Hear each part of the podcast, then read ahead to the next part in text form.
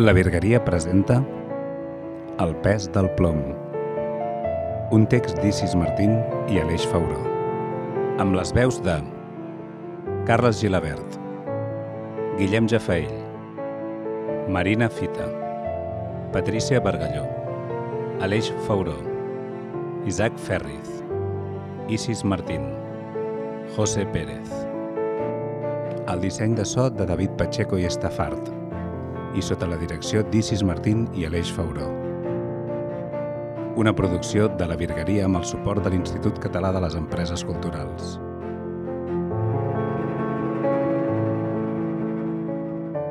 Avui, capítol 4.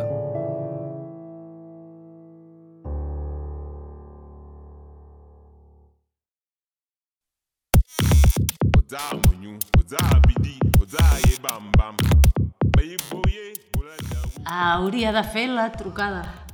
I pronunciar el nom que no té rostre. Exacte.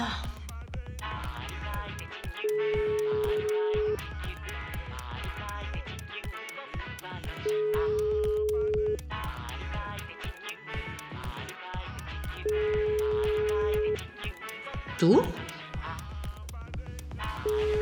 No tot el que porto a sobre em pertany, ni tot el que em pertany ho porto a sobre. El tens tu. Em desperto i res, ningú. I el telèfon el tens tu. Espero una trucada, saps? Una trucada important. Potser demà ja he de tornar. Quan passo massa dies aquí, se m'encomanen tots els mals de les vostres malalties. Però no enganxo res del vostre ritme, ni del vostre somriure, ni de la teva alegria de viure. Has dormit bé? Dona'm el telèfon. Digui. Hem de parlar. Si insisteix. Insisteixo, doncs. Ara és un bon moment. I demà al matí serà encara millor. Hem begut i és tard i la suor de la nit no em deixa obrir els ulls. El cafè del matí segur li semblarà glòria. Demà ni fruita si no he arribat. Papaya i guaiava. Segur que després d'aquesta nit li farà bé i li servirà d'esmorzar. Aquí mateix. No, creuant el carrer, a l'altra banda del món. Com? Ja ho entendrà. Monday, Monday, Monday,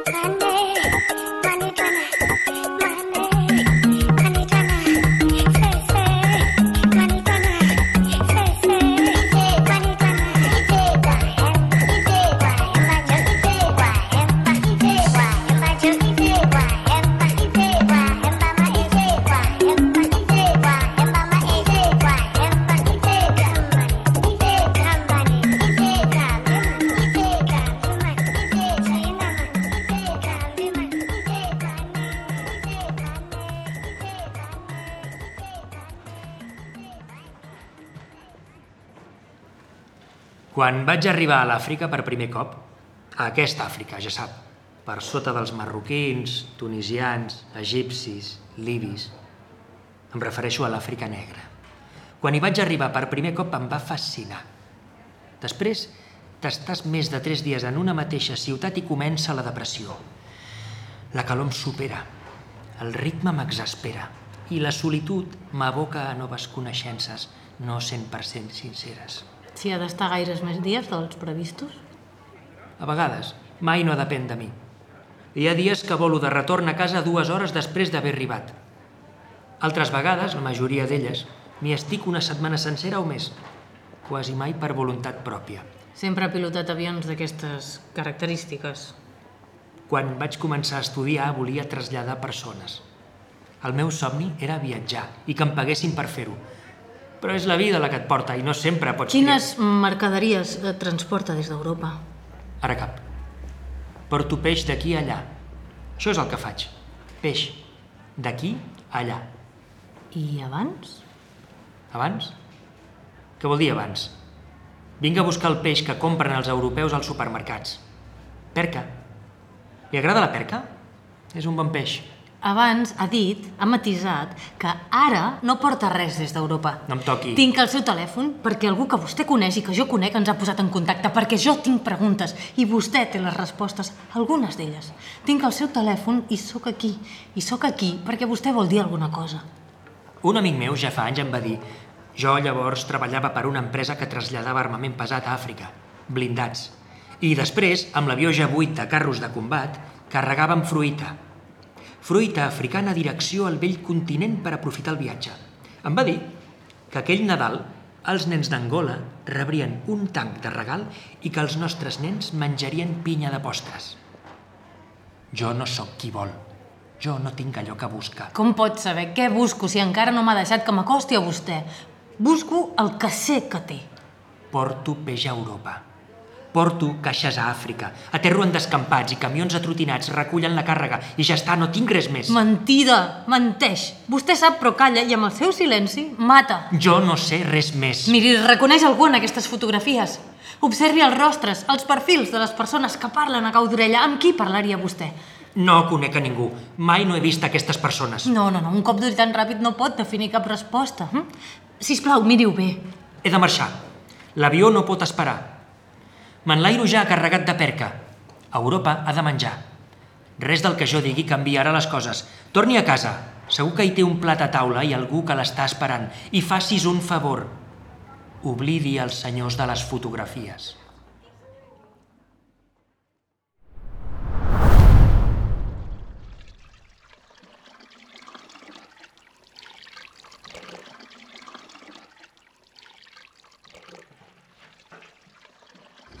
Àlex, no sé on volen a parar! Quan us vau endur l'ordinador pensàveu que s'havia acabat, eh? Per què? Què pensaven que s'havia acabat? Està desquiciat. Veu fantasmes on no n'hi ha. Potser sí.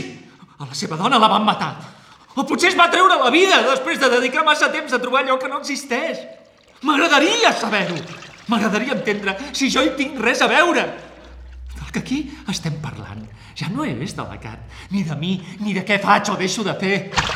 Vostè, aquí i ara, sosté una arma, m'apunta de tant en tant i em fa capbussar-me entre la por i l'aigua. Té una fotografia. Felicitats! Si, si algú ens fes una instantània, si algú gravés això que està passant, quina lectura en faria? Amaga la llengua! Potser encara no s'han passat prou sabó. S'omple de paraules i em jutja. Jutja els meus negocis, la meva forma de guanyar-me la vida. Però jo mai no he empunyat una arma amb la intenció d'utilitzar-la. No, encara pitjor. Tu ets el covard que fabrica el foc i s'envolta d'aigua. Això, aquí i ara, s'ha acabat. Gabi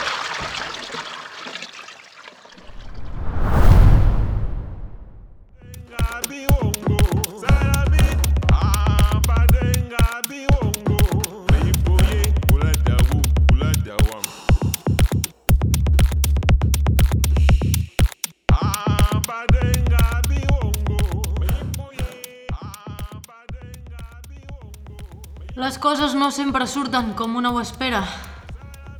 Que no surtin com esperes no significa que surtin malament. Me'n torno a casa. Una ha de ser conscient quan la realitat la vens. I fa calor, i tinc set, i estic cansada. Aquesta foto? L'home del cabell ros, clenxa a la dreta, bigoti frondós i corbata d'elefants. El conec, Qui és? Un amic. Un client. Sí, Habitual? depèn. De què? Del que vulguis que t'expliqui d'ell. Només et demano un lloc i una hora amb ell, res més.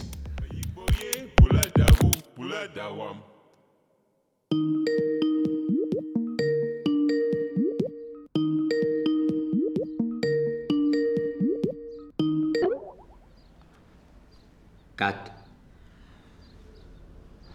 Torna, si us plau. Ara no puc. Ho tinc a tocar. Tinc un nom. Cat. La veritat és que tot és molt complicat, ja ho sé. A, a mi també em costa. A estones em sembla que per fi arribo al final i només és un revolt a la carretera. Torna. No puc, Àlex. Han entrat a casa. S'han endut l'ordinador.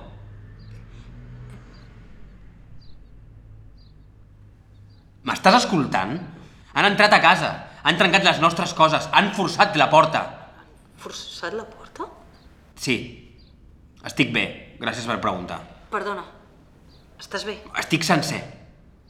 Estic cagat.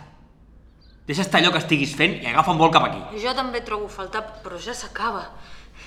I que hagin entrat a casa només pot voler dir que sóc el camí correcte. Però tu t'estàs sentint?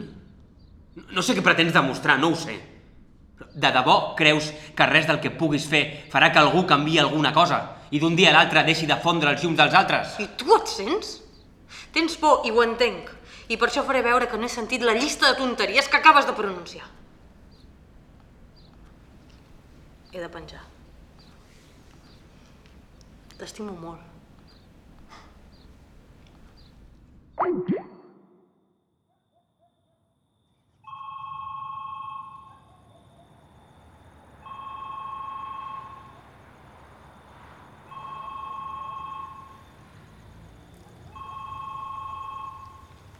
La primera vegada que va sonar el telèfon va passar una cosa molt estranya. Era una noia, una nena. Per la veu semblava molt jove. Era en una festa, ho vaig deduir per l'enrenou, i deia que se sentia aïllada i buscava el seu pare. S'havia equivocat de telèfon, però suposo que estava beguda i no se n'adonava. Cridava. Cridava, papa, papa. Somiquejava, plorava. Jo li deia, no, no, no, t'equivoques. Però ella no m'escoltava. Papa, vine'm a buscar, papa. I va penjar. Em va entrar un mal cos neguitejant, una por absurda d'aquelles que et fan tenir l'esquena cobert. I en aquell instant precís vaig enyorar la Cat més que mai. Volia compartir la trucada, la desolació que m'havia traspassat aquella nena. Però el buit em va posar els pèls de punta i em va fer sentir més sol que mai. Quan va tornar a sonar el telèfon vaig pensar que tornava a ser ella i vaig estar a punt de no contestar. Però vaig despenjar. No. No, no, no era la nena. Era una veu freda, greu, pesada. Àlex Noguera. Formigó, plom. Cada partícula del meu cos, del cervell a les ungles i els talons es desintegrava i queia amb el pes dels morts, però lentament sobre l'interior de les plantes dels meus peus. Encara no m'havia dit res, però jo ja ho sabia. Ho sabia. Ho endevinava per tot allò que no deia la veu del telèfon, una veu masculina, mecànica, Àlex Noguera. No, no hi és. Si no hagués anat a casa mai no m'haurien trobat. No hauria calgut que mentís per evitar sentir les paraules «És vostè família de Catalina Ortega?» No, s'equivoca.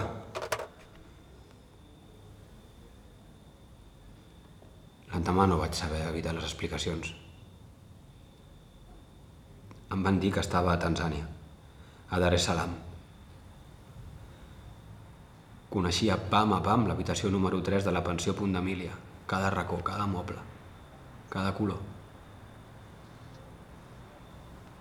Em van dir que havien trobat el cos sense vida de Catalina Ortega Banjorek penjant d'una de les vigues del sostre. Recordava perfectament les vigues del sostre. Les havíem mirat durant hores des del llit estant mentre el sol entrava per la finestra a quarts de set. De quina de les vigues? No ho sabien, i jo no podia imaginar-me, doncs, si s'havia enfilat al llit o a la taula, ni com havia fet per quedar penjant. Penjant d'una de les vigues del sostre, deien. A quina hora? Quants centímetres feia la corda? Era una corda d'escalar? De color fosc o clar? Hauria de venir a reconèixer el cos. Com anava vestida? Què hi havia sobre el llit? Quants clips van trobar sobre la taula? Per quina pàgina tenia el llibre obert a la tauleta de nit? No em menteixis. No em menteixis, sé que l'habitació no té tauleta de nit. La temporada que més temps hi vam passar, deixàvem els llibres a terra i ells mateixos els convertien en tauleta de nit. De totes maneres, degut a la causa de la mort, es realitzarà una autòpsia. Tenia música posada. Havia desfet la maleta. Es veia si havia plorat. Restes de beguda.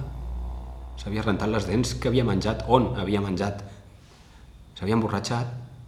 Portava calces, la samarreta vermella, l'anell que li vaig regalar. Penjant d'una de les vigues del sostre. Collons, però quina? Quina viga? Si no em dius de quina viga penjava, jo no puc imaginar quin tros de l'habitació estava i necessito veure-ho! Necessito veure-ho!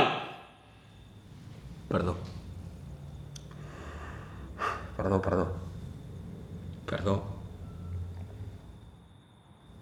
Necessito veure-ho per poder començar a creure que una sola de les paraules de les que em dius és veritat.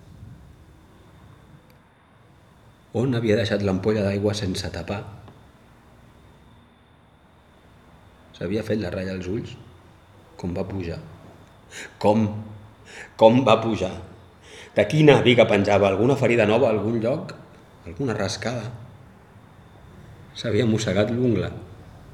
S'havia arrencat alguna pell? Qui va ser l'última persona amb qui va parlar? Què li va dir? Li va parlar de mi? Semblava trista, xiulava. Tenia el nasonex a la tauleta de nit. No em menteixis. Sé que no hi ha tauletes de nit. De quina viga penjava, collons? Quina cançó sonava? Quin minut?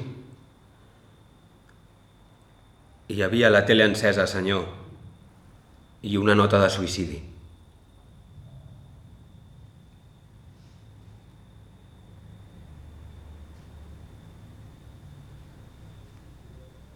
La tele. La tele. Una nota de suïcidi.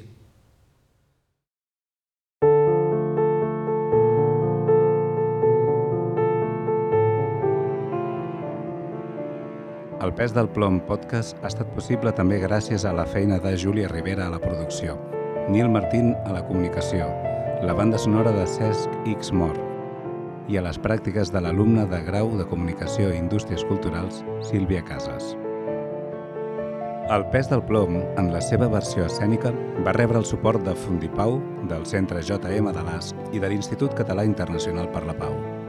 Sense tota la informació i la sensibilitat d'aquestes institucions i les persones que en formen part, el pes del plom no hauria arribat a tots els ports que ha visitat al llarg de més de 8 anys.